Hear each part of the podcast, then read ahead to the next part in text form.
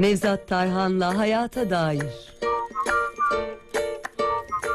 Bugün ilk konuğumuz Üsküdar Üniversitesi kurucu rektörü, psikiyatrist Profesör Doktor Nevzat Tarhan.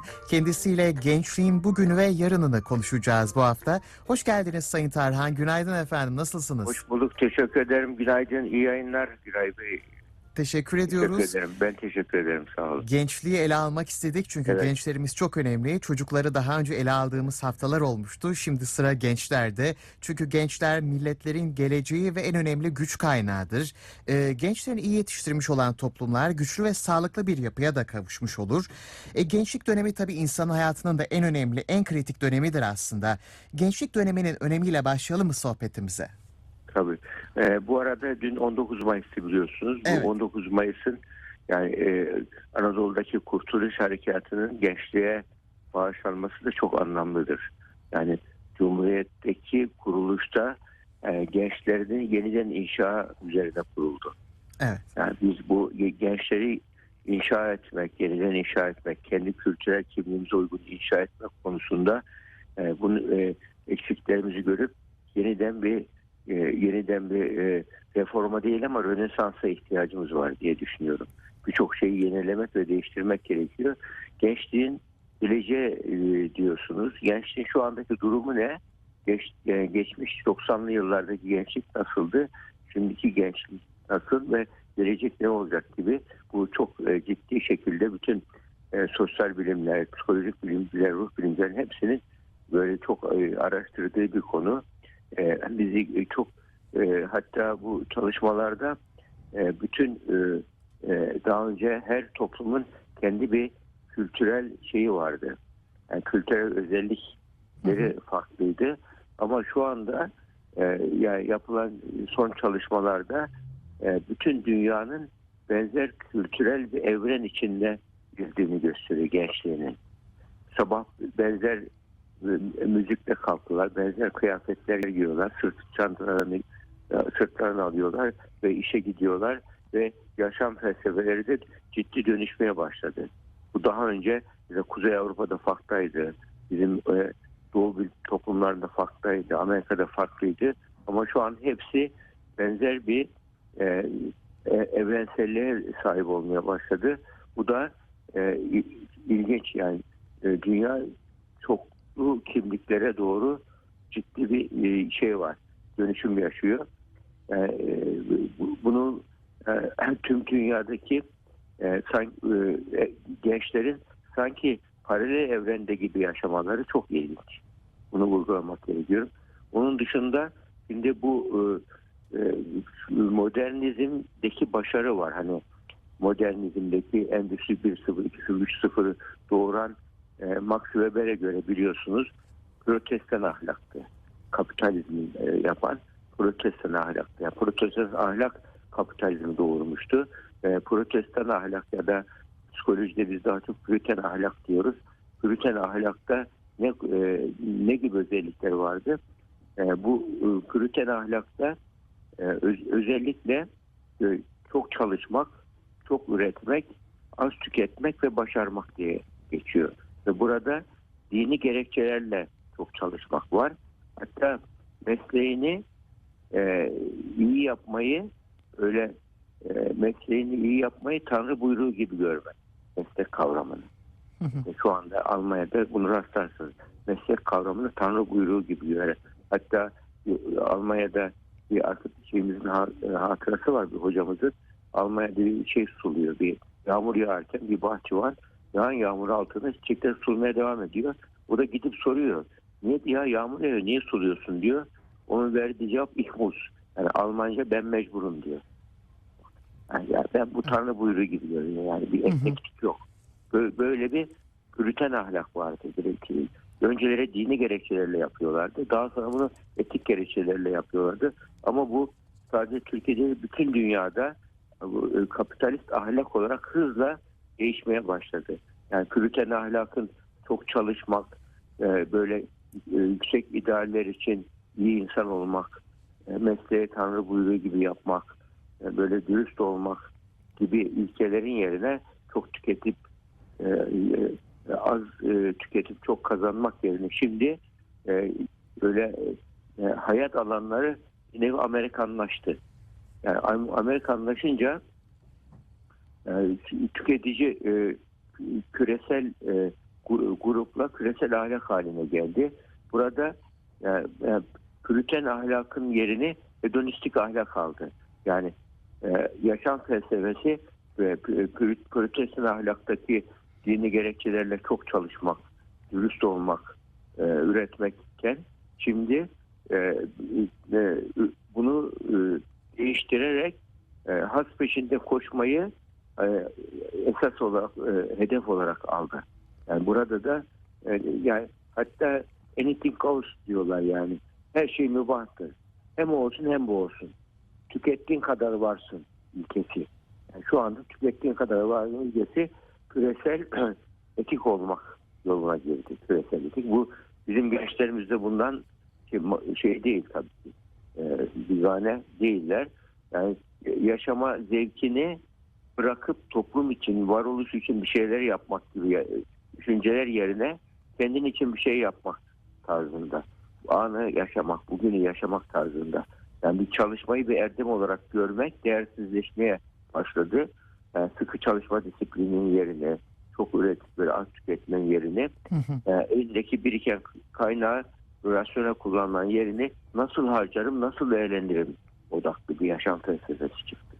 Bu gençlerde küresel olarak yaygın. Mesela evlenmek istemiyorlar gençler. Aileye ayak bağı gibi görüyorlar. Yani bir borca girip de 10 sene 20 sene e, e, mod- e, mortgage, ipotek altına girip de e, ödemek istemiyorlar. Kazanıp eğlenmek istiyorlar. Ben, ben hiç unutmam. Bizim kurumda çalışırken bir genç böyle iyi çalışkan birisiydi. Erkenden e, baktım bir sebepsiz ayrılıyor. Neden ayrılıyor? Hani kalite yönetimi gereği e, sordu arkadaşlar. Biz dedik ki ya ben burada iyi kazanıyorum ama kazandım yiyemiyorum ki diyor. Öyle dedi açıkça. Ve bu, e, böyle düşünen insanlar daha önce marjinaldi. %10-20 iken şimdi bunlar %50'nin üzerine çıktı bu tarz düşünen kişiler. Hatta İnönü Üniversitesi'nin yaptığı bir çalışma var. Çok değerli bir çalışma Bayhanlı arkadaşlarla. Hayatta en önemli şey paradır diyenlerin oranı 19 1990'larda gençlerde %30'lardayken şimdi %50-60 70 civarına çıktı. Hayatta önemli şey para diyenler. Yani bu yani küresel olarak sadece Türkiye'de değil. Yani böyle bir e, şey var. Yaşam felsefesi değişikliği var. E, e, yani burada yani, e, şeyden hatta buna bir e, psikolojide, popüler psikolojide Kaliforniya sendromu diyoruz. Kaliforniya sendromunda Kaliforniya'da çok yaygın olduğu için orada biliyorsun eğlence endüstrisinin en yaygın olduğu yer. Bütün dünyayı Hollywood'un olduğu yer. Hedonizmi yüceltiyorlar orada. Mesela orada bir e, 40 yaşına gelmiş e, bir e, sanatçıyla, sinema sanatçısıyla e, röportajı ben okumuştum. Diyor ki 40 yaşında kadının kabusu nedir diye soruyor. E, yani bir kadının kabusu nedir diye soruyor. 40 yaşına gelmek diyor. Niye diye soruyor. E, hiç eskisi gibi alkışlanmıyoruz diyor. Yine ben öyle bir iş adamı biliyorum. E, iş adamı e, böyle ve Türkiye'de yaşadığım örnek Marmaris'e gidip balık avlıyor ya arkadaşlar demiş ona ya çok bak burada mutlusun senin ihtiyacın yok burada yaşasana ne gidip çalışıyorsun diyor ama o e, balıklar beni alkışlamıyor ki diyor. Yani böyle hedonistik felsefede alkışla beslenmek vardır. Alkışla e, hatta bunu şuna benzetiyorlar. Gündüz e, yeni kuşakta da bir geçiş döneminde gündüz püriten ahlakta gece playboy gibi yaşayan e, gençlik ortaya çıktı. Ve bu ilgincidir, ilginçtir. Mesela Diyarbakır, e, Ma- Malatya'da yapılan o çalışmada çok dindarım diyen gençlerde bile e, kolay yoldan köşe dönmek iyidir diyen, e, insan önce toplum değil kendini düşünmelidir diyen, hayatta en önemli şey paradır diyen insanların oranı ortalamanın çok yüzünde çıkıyor. Hem dindarım diyor hem bu var. Çok ilginç yani bu çoğul kimlik e, gibi bir yaklaşım var. Gençlerimizin kafası karışık şu anda. Yani, yani kültürel, yani evrensel paralel dünyadaki evrenle paralel bir ortamda yaşadığımız için e, buna karşı mesela şöyle yapmış. Rusya, e, daha çok Çin, Kuzey Kore bir kuşkucu yaklaşıyor. Yani e, izole ediyor. E, izole ediyor ve e, bu e, sürdürülebilir bir şey değil. O da bir seçimdir ama yani bu, bunu sürdürülebilir. Kapalı toplum olarak kalarak bundan kurtulmak istiyorlar. Ama bir taraftan da bakıyorsunuz şu anda e, şeyler var. Kapalı toplum oldukları için her an nerede nasıl patlama çıkacağını da bilemeyiz. Nedenle biz gene açık toplum olarak ama böyle durumlarda dünyadaki bu küresel gidişte etik değerler dönüşümü yaşıyor olumsuz yönde. Bizim e, bu Anadolu irfanı dediğimiz irfan bu etik değerlerin şu anda şeyi, ilacı. Hatta bununla ilgili Marksist filozof biliyorsunuz Zizek var Slovenyalı. O diyor ki mindfulness şu anda e, kapitalizmin yeni sığınağı diyor. Mindfulness'da incelediğimizde de ne var? Bir de işte kendini tanımak var, öz bilinç, kendini geliştirmek var. Yani bağışlayıcılık, minnettarlık gibi yani bizim değerlerimizi bir nevi yani yeniden inşa etmeye çalışıyorlar. E biz üzerinde oturuyoruz. E, ama şu anda anne baba eğitim sistemi e, okulda artık etik değerleri hep şöyle biliniyordu. Etik değerleri okul 0-6 yaş arasında ailede öğreniyor deniliyor. Ama şimdi öyle gelmiyor gençler. Yani çocuklar. Okullarda da etik değerler öğretmemiz gerekiyor. Bu, bunları öğretirken de tabii yani burada işte e, onların bir şey tarzında duyulgan bir tarzda öğretmek değil de onların ihtiyacı olduğu için öğretmek. Onların gelecekteki onların yararına olduğu için, orta uzun vadeli e, olduğu için öğretmek. Bu gençlerdeki şu değişimin sebeplerinden birisi de Google etkisi diye geçiyor. Google etkisi. Google'da her şeye kolay ulaşılıyor.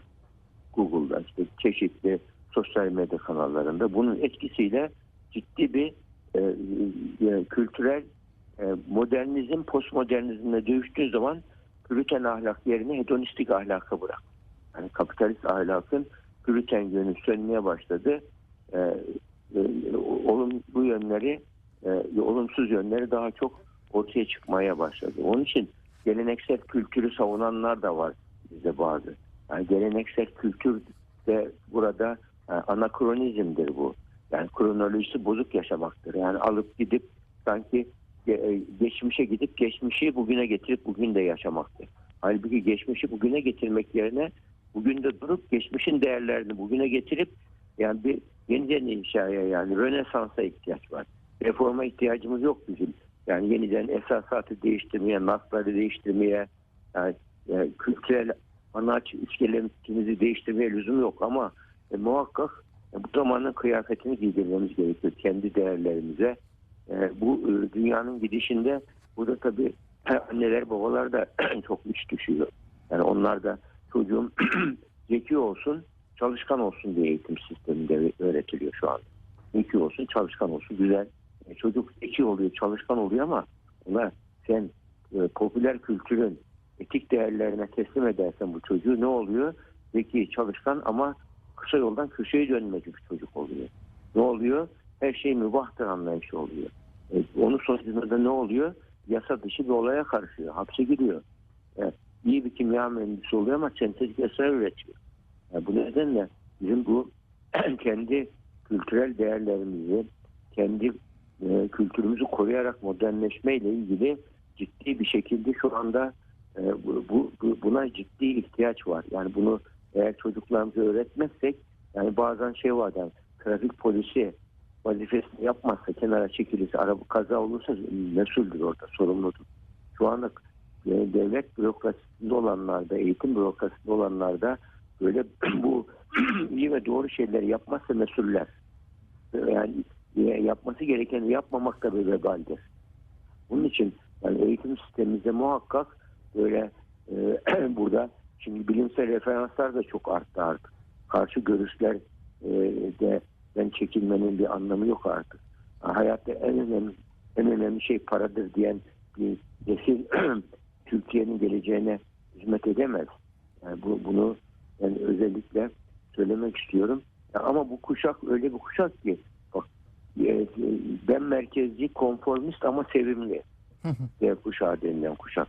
Yani bir, bu dediğim gibi kendi çıkarına düşünüyor gibi rahatçı fazla yorulmadan emek verimini elde etmek çok sevimli ve e, şeye açık. Yani öyle korkutarak bu gençleri biz düzeltemeyiz onları. Evet. Klasik gelenekçi yaklaşımda nedir? Yani bu buyurgan yaklaşacaksın. Baskıcı katı tutumlarla onu çocuğunu hizaya getireceksin. Ama şu andaki yeni e, e, bilimsel yaklaşım, kanıta dayalı yaklaşımda da ne var? Çocukları ikna ve inan- inandırmayla e, bunu şey yapmamız lazım. Çocuklara sağlamamız gerekiyor, gençlere. E, o da nedir? Bak sonuç bilinci çalışıyoruz biz böyle durumlarda. Mesela böyle fazlaca sanal bağımlılığı olan çocuklara böyle e, sosyal e, travmalar yaşayan, intihar girişiminde olan çocuklara terapi sürecinde mesela zarar algısı çalışıyoruz. Yaptıklarının yani sana verdiği zararları görmüyorlar çoğu çünkü. Zarar algısı. Yani şuna benziyor. Bataklığa düşmüş, bataklıktaki çamuru sanki miskamber zannedip yüzüne gözüne sürüyor gibi. Gençler bu durumda şu anda. Halbuki onlar için onlar onlar için o tehlikeli bir şey. Biz böyle durumlarda öğrencilere kızıp bir de kafasına bir zup batıralım mı? Yoksa çamur bize de bulaşması ihtimalini göze alarak onları oradan çıkaralım mı? Onun için anne babaların da yapacağı şey çocuklara da böyle bu baskı, korku, tehdit ve sindirme yöntemiyle değil böyle iyi davranışlarını pekiştirme yöntemiyle hatta buna yani karşımıza alıp düzeltmek değil de yanımıza alıp birlikte yürüme yöntemi diyoruz. Birlikte yol alma yöntemi. Bununla yaparsak bu gençleri çok rahat, çok kolay e, e, kendi e, değerlerimize, kendi kültürel değerlerimize, etik değerlerimize barışık aynı zamanda da çağı yakalamış e, gençler yapabiliriz. E, bu, bu yasaklayarak bu çağda korkutarak gençleri yönetmeye çalışmak son derece şey yani, e, tutmayacak bir yöntemdir. Onu Evet. söylemek istedim. ters, de tepecektir tabii. Ne kadar farklı aslında 90'lı yılların e, 90'lı yılların çocukları ile 2000'li yıllarınkiler bile oldukça farklı gerçekten. E, çok hızlı gelişti o aşamada e, kuşaklar da. Tabii teknolojinin gelişmesinin, internetin gelişmesinin de bunda rolü çok fazla. Her bilgiye ulaşılabilir olması e, da etkili tabii. Mesela Bir, bir etkisi de siyasal yabancılaşma yapıyor. Yani şu anda yani psikolojik yalnızlaşma yapıyor. Sosyolojik olarak şiddet, intihar olaylarına götürüyor. Yani kendi değerlerimizde yabancılaşan bir genç nesil yetişiyor. Yani bu arada e, İHA'larımızın, SİHA'larımızın, yollarımızın yerli olması yetmez. Gençlerimizin de yerli olması gerekiyor. Evet. Yerel olmayan evrensel olamaz. Onun için muhakkak yerel değerlerimizi koruyarak evrenselleşmeyi ve evre- ve bütün e, bizim değerlerimize insanlığın ihtiyacı var. Bunu gençlere e, böyle bir hedef koymamızda fayda var diye düşünüyorum. Ben. Evet. Çok teşekkür ediyoruz katkılarınızdan ötürü. Bugün de gençleri e, konu aldık. Oldukça önemliydi çünkü geçtiğimiz haftalarda çocukları işlemiştik. Bu haftayı da gençlere ayırdık. Çok teşekkür ediyoruz katkılarınızdan ötürü Sayın. Tarhan. Kolaylıklar efendim. Sağlıkla. Görüşmek Rica dileğiyle. ederim. Estağfurullah. Şimdi kısa bir müzik aramız var sevgili dinleyenler. Sonrasında diyetisyen Derya Zümbülcan'la devam edeceğiz. Çok önemli bir konu yemek pişirirken yapılan hatalar ve doğru pişirme yöntemlerini konuşacağız. Onu da kaçırmamanız, kaçırmamanızı tavsiye ediyoruz. Şimdi Seyfullah Sağır sizlerle bilmem mi diyor.